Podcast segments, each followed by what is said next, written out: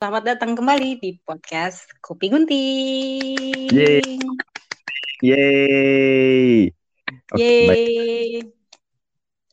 Kembali lagi bersama aku Nita dan Aku Dwi di dalam suasana Hari Raya Nyepi. Nyepi. Ah, sebenarnya kalau kita boleh jujur kita record sebelum Nyepi ya, tapi karena satu dan lain hal akhirnya akan diupload di hari setelah Nyepi. Tapi kan masih dalam suasana Nyepi nih, jadi kita masih bisa ngobrolin tentang Nyepi. gitu. Nyepi. Iya. Eh, mungkin kita mulai dulu obrolan kita nih dengan apa sih nyepi siapa tahu yang denger nggak tahu apa nyepi Ya. gitu ya mungkin dari Ya. yang non Hindu gitu jadi bisa Hmm. Dwi aja yang menjelaskan deh apa itu nyepi Jadi Nyepi itu adalah hari raya umat Hindu di Bali dalam rangka menyambut tahun baru. Ya. Jadi ya kita juga punya tahun baru seperti tahun baru tahun baru Cina Mm-mm. ya dan ya kita Tahun juga baru Hijri ya ya tahun baru Hijriah dan juga kita yang di Hindu Bali sini juga merayakan tahun baru yang di mana Hmm. ya tahun baru Iya, Saka dan di mana untuk menyambutnya itu pun juga ada susunan acaranya itu jadi Mm-mm. uh, untuk menyambut hari raya Nyepi itu kita melakukan yang namanya melasti ada yang namanya pengerupukan hari raya Nyepi itu sendiri dan akhirnya diakhiri dengan ngembak geni. Mm-mm. jadi ya jadi awalnya itu adalah melasti. Tapi kira-kira Nita kamu tahu nggak melasti itu kita ngapain? Tahu dong. Karena waktu kecil aku sering ikut melasti. Tapi sebenarnya bukan sembahyang yang aku cari. Tapi karena ada dagang pentol di sana nyari jajan. Dia jajan di sana. Oke eh, pasti kan ada dagang dagang cilok ada es-esan gitu gitulah pokoknya ada dagang-dagang gitu. Jadi aku kayak bersemangat gitu pengen ikut melasti gitu. Sama ketemu temen-temen kan. Iya sih. Ya kan? sebanjar sih biasanya. Ya ya benar jadi biasa melasti itu kita sembahyang ke pantai ke, ke pura-pura Hmm. dekat pantai sih kalau di kampungku we. tapi aku nggak tahu di Mm-mm. ta- daerah lain kayak gimana. Sama juga kayak Nah, gitu ya kurang lebih sama sih tapi kayaknya si tahu aku yang kalau misalnya nggak deket pantai itu mereka kayak ke danau gitu sih kalau misalnya deket danau Hmm. di sana ya Hmm. terus ya ya ya Lasti itu juga kat- apa namanya seingatku itu eh, dalam rangka membersihkan buana agung dan buana alit atau istilahnya itu alam semesta dan diri manusia sebelum Iya. akhirnya memasuki tahun baru. Jadi itu sih kurang lebih. Lalu Benar, setelah melasti kita ada yang namanya pengerupukan. Mm-mm. Jadi eh, biasanya nih kalau misalnya orang apa namanya yang dari luar Bali itu pasti tahu yang namanya ogoh-ogoh tuh Mm-mm. yang apa namanya yang besar gitu diangkut keliling-keliling gitu yang serem-serem Mm-mm. kelihatannya ya jadi itu apa namanya salah satu acara yang ada di pengerupukan ini jadi sehari sebelum nyepi Pokoknya intinya itu nanti eh, di dalam persembahyaan kita sebelum nyepi itu kita tuh kayak me- apa ya me- mengusir hal-hal negatif gitu loh.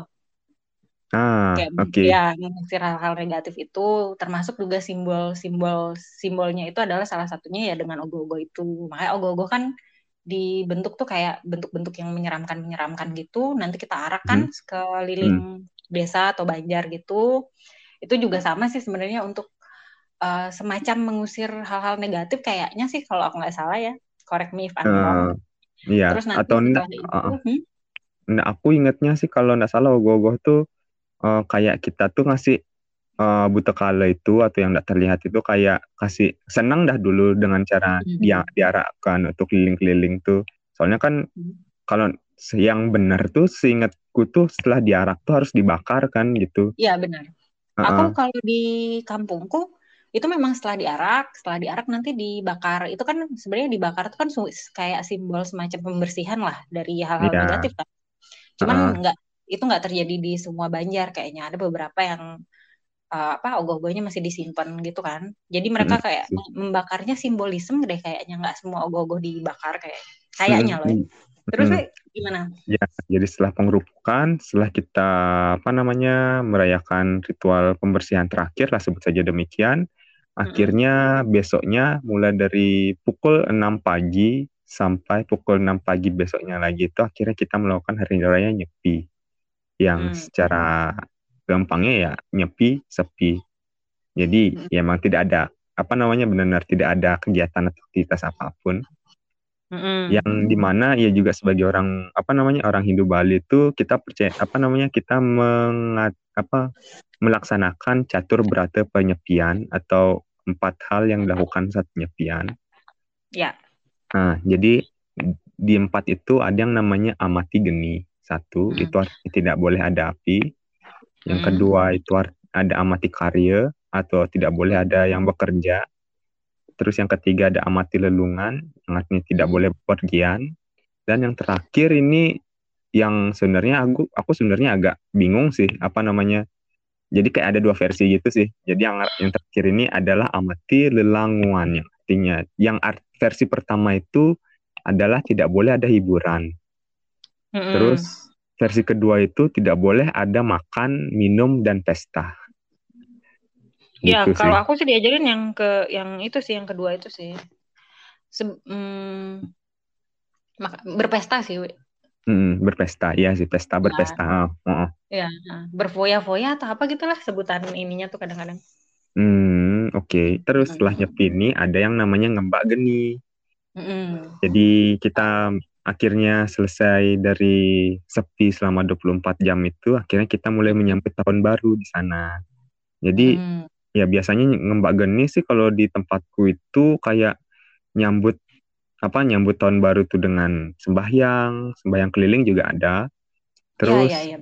ada juga yang apa namanya datang ke rumah sanak saudara gitu terus main-main hmm. sampai ke selamat tahun baru sepi, eh selamat tahun hmm. baru sepi gitu sampai hmm. nyemot-nyemot jajan gitu. Ada juga kok. Hmm. Kalau di mm-hmm. kampungku tuh orang biasanya pas ngembak geni itu pagi-pagi ke pantai. Apa sih mm. kayak melukat lah bahasanya gitu kayak sembahyang gitu terus mandi gitu loh di pantai oh kayak banyu, banyu pinaruh gitu ya iya iya modal kayak gitu tuh ada juga oh. yang kayak kayak gitu terus hmm. uh, iya ya macam-macam sih orang Mbak Geni itu ya iya sih kalau di macam-macam mm. kalau di rumahku sih kalau yang di negara itu mm -hmm. aku pasti nyiapin itu masak-masakan karena bakal ada orang datang. Ini sebelum pandemi ya by the way teman-teman. Mm-hmm. Jadi waktu sebelum pandemi itu biasanya itu di hari setelah nyepi itu ya masak, terus nanti pasti malam atau sore itu soalnya bakal ada yang datang gitu. Mm-hmm. Hmm, ya Buat sih benar. halal bihalal lah bahasanya gitu. Iya, halal bihalal hmm, benar sih. Halal ya. bihalal biasanya. Tapi nah, itu kan rangkaian, hmm, sorry. Ya, apa rangkaian apa?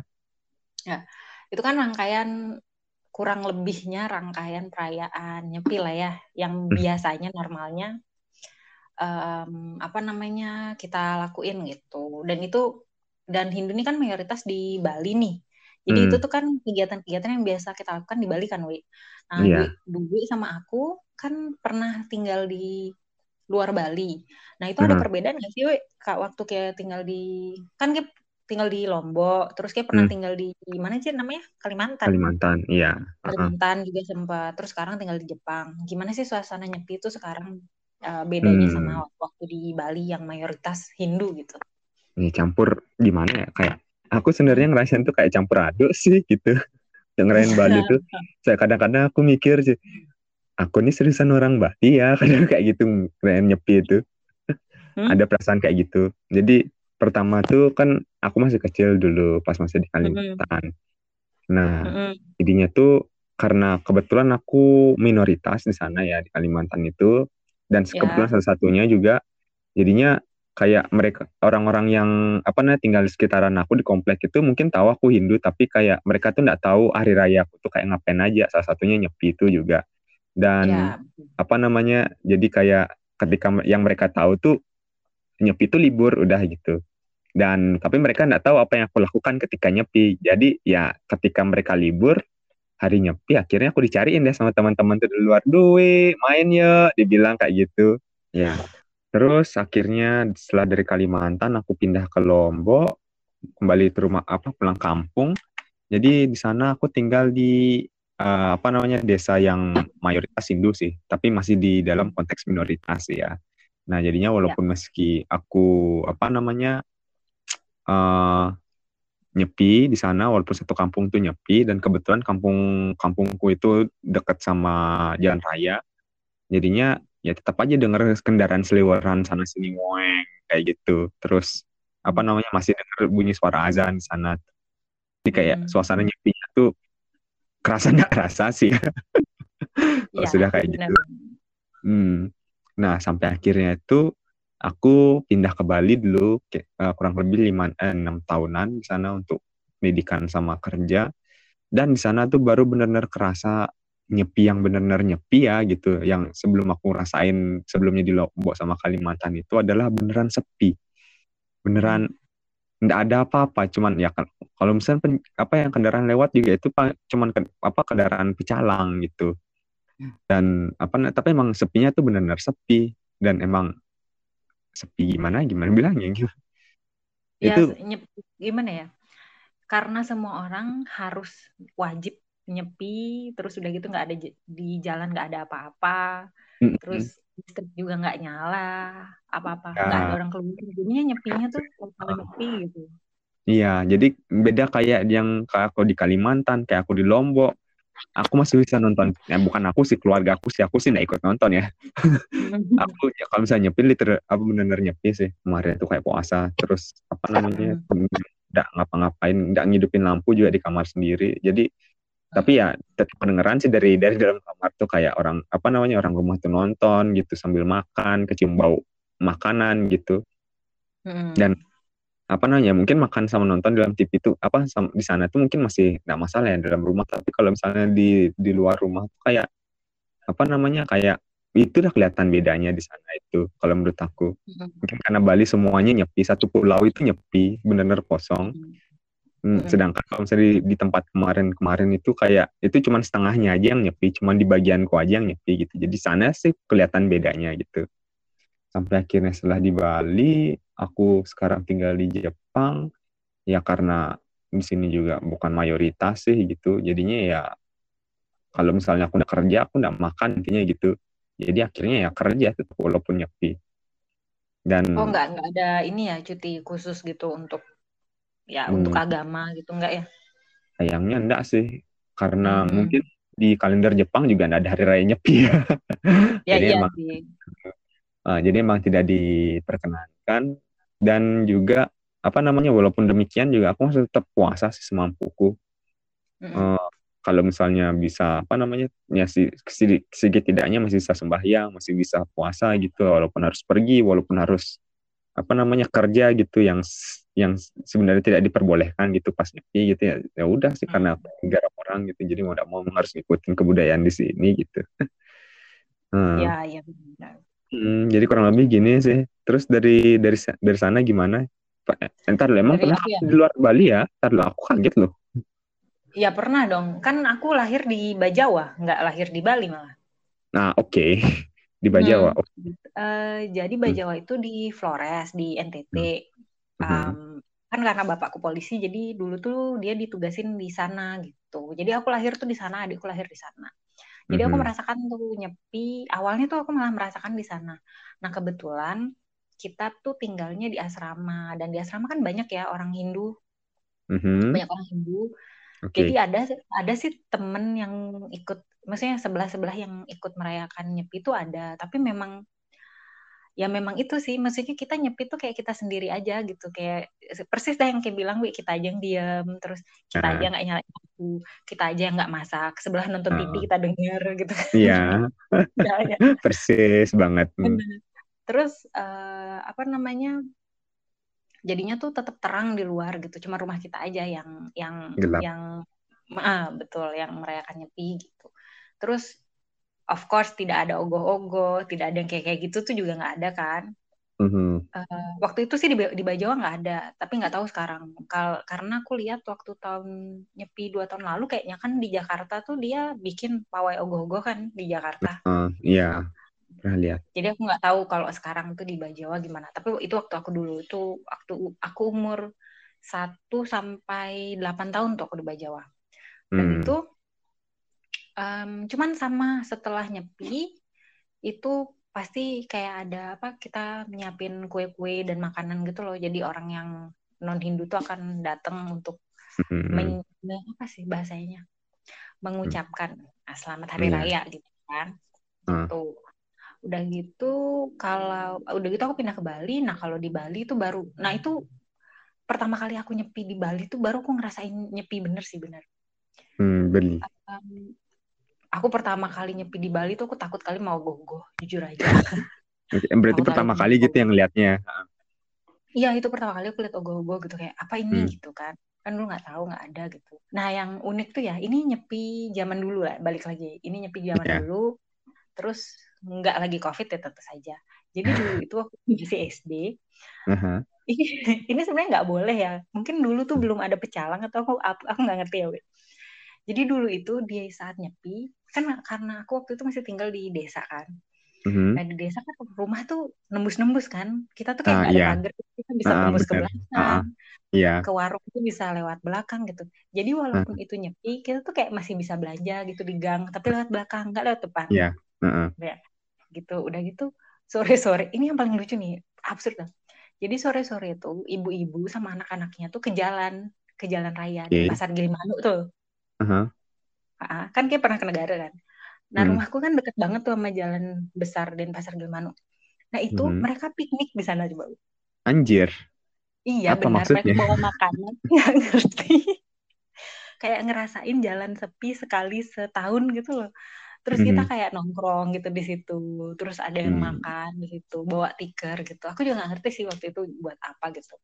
Tapi itu kayak cuman sempet beberapa kali lah. Habis itu mulai-mulai dicek-cek sama pecalang tuh kayaknya udah nggak pernah lagi kayak gitu. ya gitu. sih. Hmm, Memang. Tapi itu di kampung. Uh. Di kampung. Terus setelah aku agak gedean kan, aku pindah ke negara kan. Nah kalau di hmm. negara itu lebih ketat, lebih ketat sih. Selain rumahnya hmm. dempet juga um, apa? Lebih ketat lah kita emang nggak keluar, kita bahkan nggak ke jalan, terus kita nggak masak, kalau di kampung tuh masih bisa tuh kadang ngangetin ngangetin sayur gitu nah bisa. iya sih ya, kan? masih belum kedengeran kelihatan iya, juga sih gitu. masih belum ada ya, yang apalagi, gitu apalagi kan rumah kalau di kampung kan ya lebih luas lah gitu kan jadinya nggak ya. kedengeran tetangga mm -mm. kalau di kalau di negara tuh karena sebelahan banget gitu jadi nggak masak juga nggak gitu aku tiba-tiba baru ingat juga Hmm. kesannya nyepi di Bali tuh ya pas hari pengerupukan atau hari sebelum nyepi hmm. itu itu kayak hmm. hari kiamat sih kadang-kadang aku mikir sih kayak iya jadi kayak orang tuh pada semua datang ke minimarket datang ke supermarket gitu, iya. gitu cuman buat ngeborong gitu semua pada iya, habis kayak itu. ih ih besok tuh kayak ada bencana mau datang gitu ya kadang ada kesan kayak gitu. Sudah gitu kan kayak orang-orang tuh kan pada fokusnya tuh ke anu ke apa namanya ke ogoh-ogoh kan. Jadi kayak hmm. suasana suasana rumah perumahan tuh pada sepi kan gitu terus pada lampunya ya, juga pada mati kan.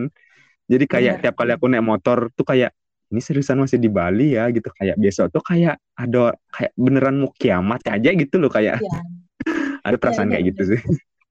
Bener-bener loh bener loh. Hmm. dulu lagi waktu belum apa namanya waktu dulu tuh aku nggak hmm. tahu ya aku nggak mau judging mungkin itu bu hmm. bukan orang yang no, eh, bukan orang Hindu juga mungkin yang belanja aku nggak hmm. nggak ngerti juga ya cuman kayak mereka belanja tuh kayak besok tuh tokonya udah maksudnya setelah satu hari nyepi tuh besoknya kayak nggak ada toko lagi gitu loh uh, iya iya iya iya kayak gitu sih kesannya mereka belanja tuh kayak banyak buat kayak literally takut banget kelaparan di satu hari itu gitu kayaknya uh, lucu sih, itu. Oh, jadi kayak gitu sih kayak bener persiapan banget gitu loh. Sampai saking persiapannya itu apa-apa habis. ya bener. Nyari sirup aja kadang habis anjir. Hmm, kayak gitu hmm. udah. Uh, jadi itu salah satu kesannya nyepi di Bali sih sebenarnya. yang bikin aku sebenarnya agak kaget sih ya. Mungkin ya karena di Lombok juga pas di Kalimantan dulu juga kayaknya kalau misalnya belanja apa-apa tuh masih biasa gitu di Lombok juga yang ya sedikit tidaknya perayaan nyepinya hampir mirip lah kayak di Bali tuh kayak masih aman-aman aja gitu.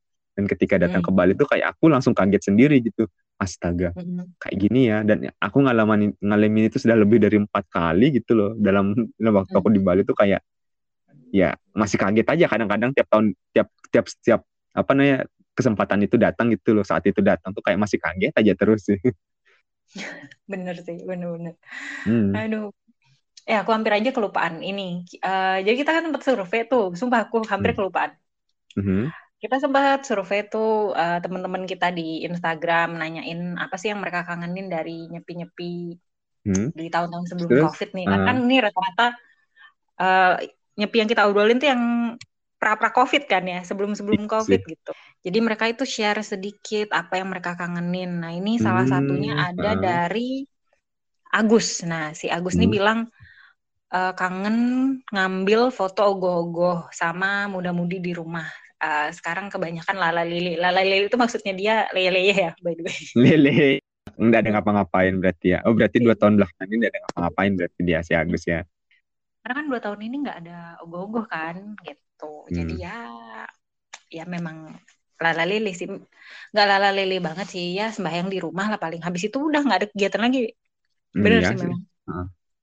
Bener. Terus ini ada ini ada satu dari Wanda. Nah Wanda ini kebetulan kan tinggal di Jogja sebelumnya, terus hmm. dia balik ke Bali itu karena COVID. Jadi dia selama di Bali tidak melihat ogoh-ogoh sama sekali. Astaga, baiklah. hmm. Ya semoga kita bisa lihat ogoh-ogoh lagi di tahun depan ya Wanda ya. Eh, tar lu bukannya kemarin sempat Oh ya, tapi bukan pengarakannya ya. Enggak, soalnya kemarin sempat baca berita katanya diadain ogoh-ogoh gitu di Bali. Nah itu ya, aku juga nggak tahu sebenarnya sih sempet memang memang betul kemarin tuh sempat mau bikin ogoh-ogoh karena di Banjarku kayaknya sempet uh, muda-mudi tuh ngumpul gitu. Mm-hmm. Cuman nggak tahu deh nih uh, setelah ini bakal ada ogoh-ogoh atau enggak. Misalnya kan kita karena recordnya sebelum nyepi aja kita nggak tahu nih apakah akan ada atau tidak. Tahu? Mm-hmm, ya sih, karena kebetulan masih lihat-lihat berita aja sih kemarin-kemarin ya, tuh kayak sudah bener. mulai pada bikin-bikin gitu. Jadi aku penasaran aja emang sudah ada ogoh belum gitu. Benar, benar. Hmm. Udah gitu ini ada dari Ervan. Nah, hmm. dari Ervan, Ervan sharing pengalaman nyepinya itu dia kangen di kosan katanya. Ini si Ervan ini hmm. kebetulan hmm. uh, kenapa dia jarang di podcast lagi karena dia udah pindah ya guys. Kayak dia bilang dia kangen kosan sama me time. Terus dia tuh mencoba um, apa sih ini dia tulis nih. Ini orang ngetik emang nggak bener nih manusia. apa coba? Bener-bener Oke, okay Oh oke, okay. oke. Okay. Kayaknya dia mau ngomong kayak gini loh. Dia selama nyepi itu dia tuh kangen kosan, terus di kosan tuh dia bisa me time, terus dia tuh bisa refleksi diri gitu apa yang udah dijalani selama ini. Itu udah aku bagusin ya kata-katanya tuh ya, Van. Tolong ya, Iya, ingat dibayar ya, Evan. Iya. Tolong. Iya. Ini mohon ya, podcast. Ya. Kata... terus yang terakhir ya. Hmm. yang terakhir dari Ayu Mm. Um, dia bilang oh kalau dia tuh bukan kangen nonton ogoh-ogohnya tapi dia kangen kalau pawai ogoh-ogoh tuh banyak dagangan. Bener karena di mana ada keramaian di situ ada dagang. Dan rata-rata selain itu memang banyak banget yang um, apa namanya yang bales dengan kangennya mereka sama ogoh-ogoh gitu. Kayaknya emang nyepi nggak ada ogoh-ogoh tuh kayak bagai sayur kurang garam gitu kalau kata Inul Nah, gitu ya. oke, uh, kurang lebih ya sih, karena pada akhirnya identiknya di sana sih benar. Soalnya kayak persiapan bikin ogoh-ogohnya itu yang bikin mereka tuh benar-benar kangen juga sih, menurut aku juga sih sisi lain. Iya sih, tapi iya sih pada akhirnya juga kayak Ervan bilang tadi itu banyak yang apa pada akhirnya itu salah satu hal yang bisa dilakukan di saat itu juga apa namanya me time sih di sana. Dan Ya, terus juga uh -uh, jadi kayak apa namanya selain me time di rumah juga banyak kok paket-paket di apa namanya di Bali itu yang raya apa yang ngadain paket nyepi. Jadi kayak tiga hari dua malam oh di hotel-hotel tuh ya? hmm. ya di hotel-hotel tuh itu juga bisa dipakai sih. Apa namanya orang-orang tuh bisa buat langsung ke sana gitu. Benar uh, benar. Jadi Betul. ya sih uh, banyak banget cara buat Tanu menikmati nyepi sebenarnya dan salah satunya iya. kayak gitu.